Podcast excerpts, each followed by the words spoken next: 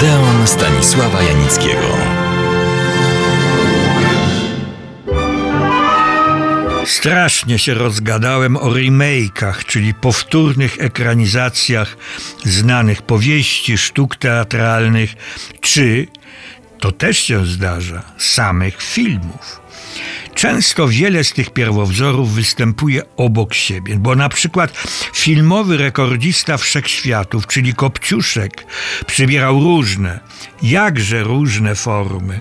Znany jest jako utwór literacki, sceniczny, musicalowy, operowy, baletowy, animowany, parodystyczny i o zgrozo, nawet jako film pornograficzny. Tych adaptacji remake'ów było ponad 100. Następnymi rekordzistami w kolejności są Hamlet Szekspira, Carmen według opowieści Mérimée i Dr. Jekyll i Mr. Hyde Stevensona. Polskie kino takich rekordów nie biło. Poza trzy powtórzenia nie wyszliśmy. Pierwszym takim remake'iem były Dzieje Grzechu Żeromskiego. Podobnie było jeszcze tylko w przypadku tegoż Żeromskiego Wiernej Rzeki. No i super melodramatu Trendowata, według powieści Heleny Miszkównej. Ta ostatnia po raz pierwszy weszła na ekrany w roku 1926.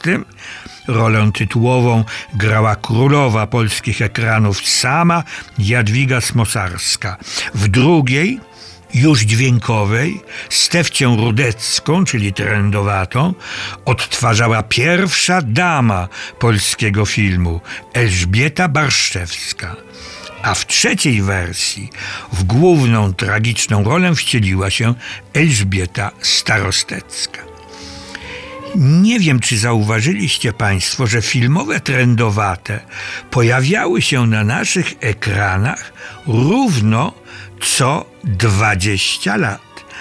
Czasy musiały się rzeczywiście zmienić, skoro ta piękna tradycja nie jest kontynuowana, a jest to tekst dający przecież ogromne możliwości.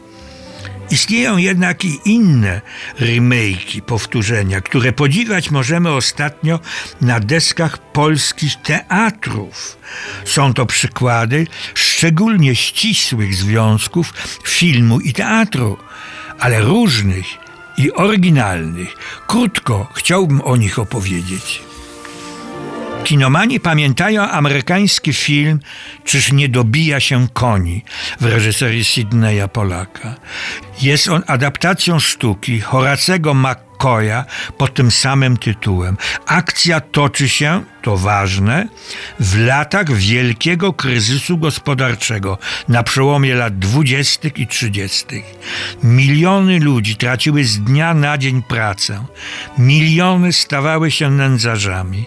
Więc każda praca, zajęcie, które pozwalało zdobyć podstawowe środki do życia, stawało się błogosławieństwem. Jednym z takich zajęć, możliwością zdobycia środków do przeżycia, były mordercze, nieludzkie maratony taneczne. Zwycięska para otrzymywała 15 tysięcy dolarów. Na owe czasy sumę niewyobrażalną, ale jakim kosztem? Morderczego, nieludzkiego wysiłku. Jeden z uczestników tej strasznej imprezy tak ją scharakteryzował. Takie imprezy są okropne, nie tylko wyczerpujące fizycznie i psychicznie, ale też poniżające, nastawione na zysk, nie na człowieka, na show, nie na dobrą zabawę. Coś nam to przypomina?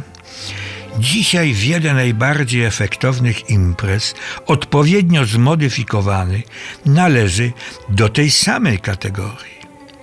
Odwaga zarówno dyrekcji teatru w Częstochowie, jak i reżyserki spektaklu Magdaleny Piekosz, która ten spektakl reżyserowała, godna jest podziwu dla odwagi, i znakomitego kunsztu artystycznego.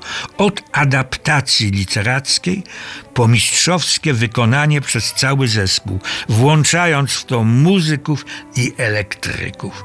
Wspaniały spektakl, któremu przepowiadam wieloletnie i zasłużone powodzenie. I następny. Gdzie? W Teatrze Rozrywki w Chorzowie. Tym razem na scenie pojawiła się nowa wersja sławnego filmowego kabaretu. Przyznam, ciężko jest sprostać takiemu arcydziełu, a jednak jest to jeden z najsławniejszych i nieśmiertelnych musicali w reżyserii Boba Fossa. W Czyż nie dobija się koni była niepowtarzalna Jane Fonda. W kabarecie Liza Minnelli i Joel Grey. Zacytuję. Akcja filmu osadzona jest w Berlinie w okresie poprzedzającym dojście Hitlera do władzy, w atmosferze wzrastającej siły nazistów i ich terroru. Gęsta atmosfera i nastrój dekadencji mają swe źródło tyleż w perypetiach romansowych, życiu nocnych klubów, co stanowiącej ich tło groźbie nazizmu. A spektakl ten oparty jest na noweli Aescherwooda Pożegnanie z Berlinem i sztuki Hojna van Drutena Jestem kamerą. I jeszcze jeden spektakl, tym razem w Teatrze Śląskim w Katowicach. Nawiązuje on do sławnego filmu Romana Polańskiego Dziecko Rosemary. Nie jest to adaptacja, lecz wolna dywagacja na temat najbardziej intymnych spraw dorosłych i dzieci. Spektakl wprawia w zdumienie, wręcz osłupienie, lecz zmusza do zastanowienia nad tym i innymi trudnymi cechami natury ludzkiej. I tak to przenikają się w najróżniejszy sposób literatura, sztuki teatralne i film. Zapraszam Państwa do następnego Odeonu już za tydzień.